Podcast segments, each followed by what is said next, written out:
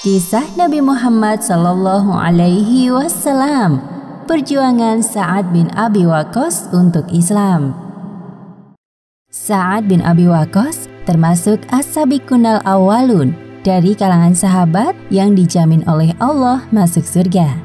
Namun Ibunda Sa'ad menentang keras keislaman putra kesayangannya. Dalam sejarah Islam, Sa'ad bin Abi Waqqas dikenal sebagai pemanah jitu dalam berbagai peperangan yang diikutinya bersama Rasulullah. Saat hidup di tengah-tengah keluarga bangsawan kaya raya dari kabilah Bani Zuhra. Saat lahir dari rahim wanita cantik dan cerdik bernama Hamnah binti Sufyan ibnu Abi Umayyah. Terlebih kepada ibunya saat menunjukkan perhatian dan kasih sayang yang besar Meskipun sebenarnya saat membenci kebiasaan ibunya yang menyembah berhala. Di kota Mekah, saat tumbuh menjadi pemuda yang cerdas, berprinsip kuat, serta pemberani. Perawakannya tidak terlalu tinggi, namun bertubuh tegap dengan potongan rambut yang pendek. Pada tahun pertama kenabian, Abu Bakar mengajak Sa'ad untuk menemui seseorang di perbukitan dekat Mekah. Wahai sahabatku, aku ingin mengajakmu menemui seseorang Siapakah dia? Apakah aku mengenalnya? Ya, aku pastikan engkau sangat senang bertemu dengannya. Baiklah. Saat sangat penasaran dengan orang yang akan ditemuinya bersama Abu Bakar. Ternyata orang yang mereka temui adalah Nabi Muhammad Sallallahu Alaihi Wasallam. Bernama lengkap Sa'ad bin Abi Waqqas bin Wuhaib bin Abdi Manaf. Ternyata Sa'ad masih memiliki hubungan kekerabatan dengan Rasulullah. Kakek Sa'ad bernama Wuhaib adalah paman dari Ibunda Aminah. Itu berarti Sa'ad bin Abi Waqqas juga paman Rasulullah. Keduanya telah saling mengenal sejak kecil. Sudah lama kita ya tidak bertemu. Apa kabarmu wahai Muhammad? Alhamdulillah dalam keadaan baik. Bagaimana denganmu wahai paman Sa'ad? Ya, seperti yang kau lihat sekarang. Apakah ada hal penting yang ingin engkau sampaikan kepadaku sampai kita harus bertemu di tempat sepi seperti ini? Wahai Sa'ad, sesungguhnya Muhammad telah diangkat oleh Allah Subhanahu wa taala menjadi seorang nabi dan rasul. Saat tidak terlalu terkejut mendengar pernyataan Abu Bakar karena ia merasa Muhammad yang dikenalnya selama ini adalah sosok yang pantas menerima tugas mulia. Subhanallah, Maha Suci Allah. Benarkah itu wahai Muhammad? Iya, seorang malaikat utusan Allah menyampaikan kabar ini. Maukah engkau menjadi pengikutku dan masuk Islam? Aku bersedia. Tidak ada sedikit pun keraguan di hatiku menerima ajakan darimu. Abu Bakar dan Nabi Muhammad saling melempar senyum. Tak lama kemudian, saat mengikrarkan diri untuk masuk Islam. Saat termasuk orang ketiga yang masuk Islam dari kalangan para sahabat. Siapa saja orang yang lebih dulu masuk Islam selain engkau? Khadijah, Ali bin Abi Thalib, dan Zaid bin Haritsah. Namun Rasulullah masih menyembunyikan tentang agama ini. Jadi sebaiknya engkau juga merahasiakannya dari kaum Quraisy. Ya, aku mengerti. Tiba-tiba saat teringat akan mimpinya tiga hari yang lalu. Setelah mendengar bahwa Abu Bakar, Zaid, dan Ali lebih dulu masuk Islam, saat begitu gembira, ia merasa mimpinya semakin jelas. Tiga hari sebelum pertemuan saat dengan Nabi Muhammad SAW. Sejak kapan kalian ada di sini? Belum lama. Berita tentang keislaman saat akhirnya terdengar sampai ke telinga ibundanya. Tentu saja beliau tidak menyetujui keputusan saat. Wahai anakku, apakah benar yang dikatakan orang dari kabilah kita bahwa engkau mengikuti ajaran Muhammad? Wahai ibu, kabar itu memang benar. Aku berharap ibu dapat menerima keputusanku. Hamnah geram mendengar pengakuan Sa'ad. Ia tak menyangka bahwa anak kesayangannya berani menyembah Tuhan lain. Teganya engkau kepada ibu, nak. Kalau begitu, ibu tidak mau makan dan minum sampai engkau meninggalkan ajaran Muhammad. Silahkan melihat ibumu ini kelaparan sepanjang hidupnya. Tolong, jangan lakukan itu, wahai ibu. Demi Allah, sungguh aku sangat menyayangimu melebihi apa pun di dunia. Tidak, anakku telah berubah sejak dia bergaul dengan Muhammad. Ternyata Hamnah tidak main-main dengan ucapannya. Demi keyakinan yang dianutnya, Hamnah rela melakukan apa pun. Ibu akan melakukan segala cara untuk membuatmu kembali kepada ajaran nenek moyang kita, nak. Satu hari berlalu, Hamnah tidak menyentuh makanan dan minuman yang telah disajikan. Tubuhnya tampak lemas dan wajahnya pucat. Saat yang melihat kondisi ibunya, merasa sedikit bersalah. Wahai ibuku, aku sangat mencintaimu. Tapi kecintaanku kepada Allah dan Rasulnya di atas semua itu. Demi Allah, jika ibu tetap menyuruhku untuk keluar dari Islam dengan cara apa pun, aku tetap tidak akan meninggalkannya. Teganya kau berkata seperti itu kepada ibumu, nak. Ke mana saat anakku yang selalu patuh terhadap perintah ibunya? Dua tiga hari berlalu, Hamnah tetap mogok makan dan minum. Wajahnya tampak letih dan langkahnya payah. Sementara itu, saat terus berpikir bagaimana caranya agar ibunya menyerah.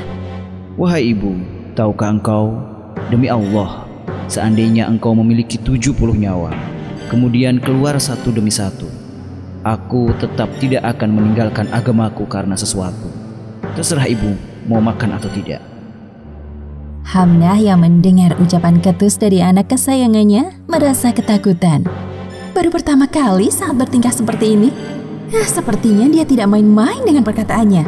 Hah, sia-sia saja semua usahaku selama ini. Ternyata anakku lebih mencintai Allah dan Rasulnya daripada aku, ibunya sendiri. Setelah peristiwa itu, akhirnya Hamdah kembali mau makan dan minum. Allah Subhanahu wa taala mengabadikan peristiwa ini dalam surat Luqman ayat 14 hingga 15. Dan kami perintahkan kepada manusia berbuat baik kepada kedua orang ibu bapaknya. Ibunya telah mengandungnya dalam keadaan lemah yang bertambah-tambah dan menyapihnya dalam dua tahun. Bersyukurlah kepadaku dan kepada dua orang ibu bapakmu. Hanya kepadakulah kembalimu. Dan jika keduanya memaksamu untuk mempersekutukan dengan aku sesuatu yang tidak ada pengetahuan tentang itu, maka janganlah kamu mengikuti keduanya dan pergaulilah keduanya di dunia dengan baik dan ikutilah jalan orang yang kembali kepadaku. Kemudian hanya kepadakulah kembalimu maka kuberitakan kepadamu apa yang telah kamu kerjakan. Selama kurang lebih tiga tahun, Rasulullah mengajarkan Islam kepada para pengikutnya secara sembunyi-sembunyi di tempat yang aman. Bahkan ketika melaksanakan sholat, Rasulullah dan para sahabat pergi ke tempat terpencil agar tidak dilihat oleh umatnya yang belum beriman.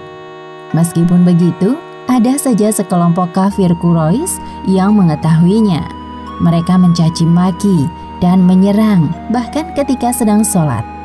Saat kesal mendengar ejekan yang berkali-kali dilontarkan oleh sekelompok kafir Quraisy. Selesai sholat, saat langsung memukul salah satu dari mereka. Itulah korban pertama yang terluka dalam sejarah Islam. Setelah peristiwa tersebut, Nabi Muhammad menasehati para sahabatnya agar tenang dan sabar ketika menghadapi kaum kafir.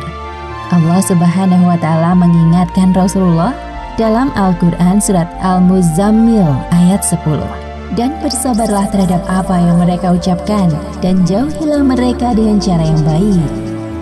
Setelah melewati beberapa tahun untuk menahan diri dari serangan kaum kafir Quraisy, barulah umat Islam diperkenankan melakukan perlawanan secara fisik, yakni melalui peperangan.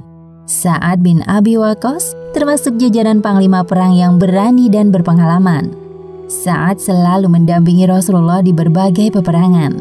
Ia memiliki dua senjata yang ampuh, yaitu panah dan doa. Jika Sa'ad memanah lawan dalam peperangan, dapat dipastikan tepat sasaran.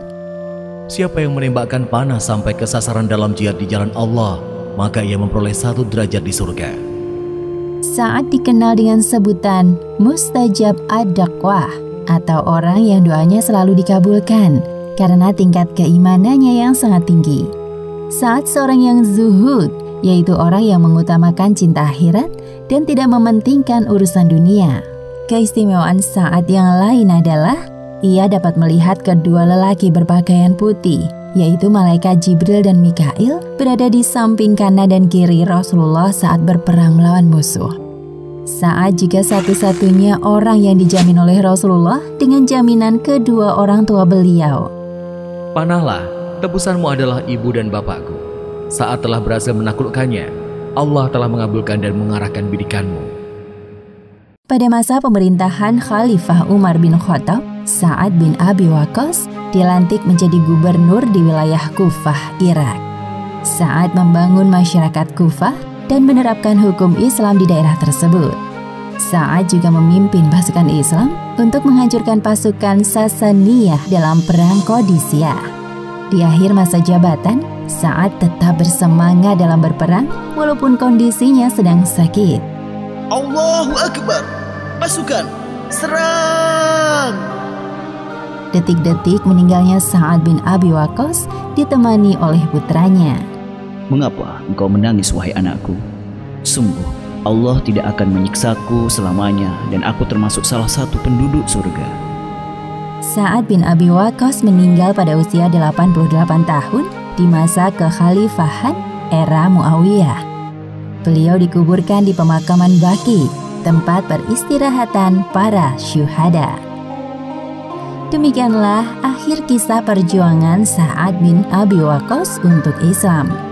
Hikmah yang dapat kita ambil dari kisah ini di antaranya, pertama, jangan pernah menukar keimanan kita dengan apa pun di dunia, sekalipun hal tersebut permintaan dari kedua orang tua.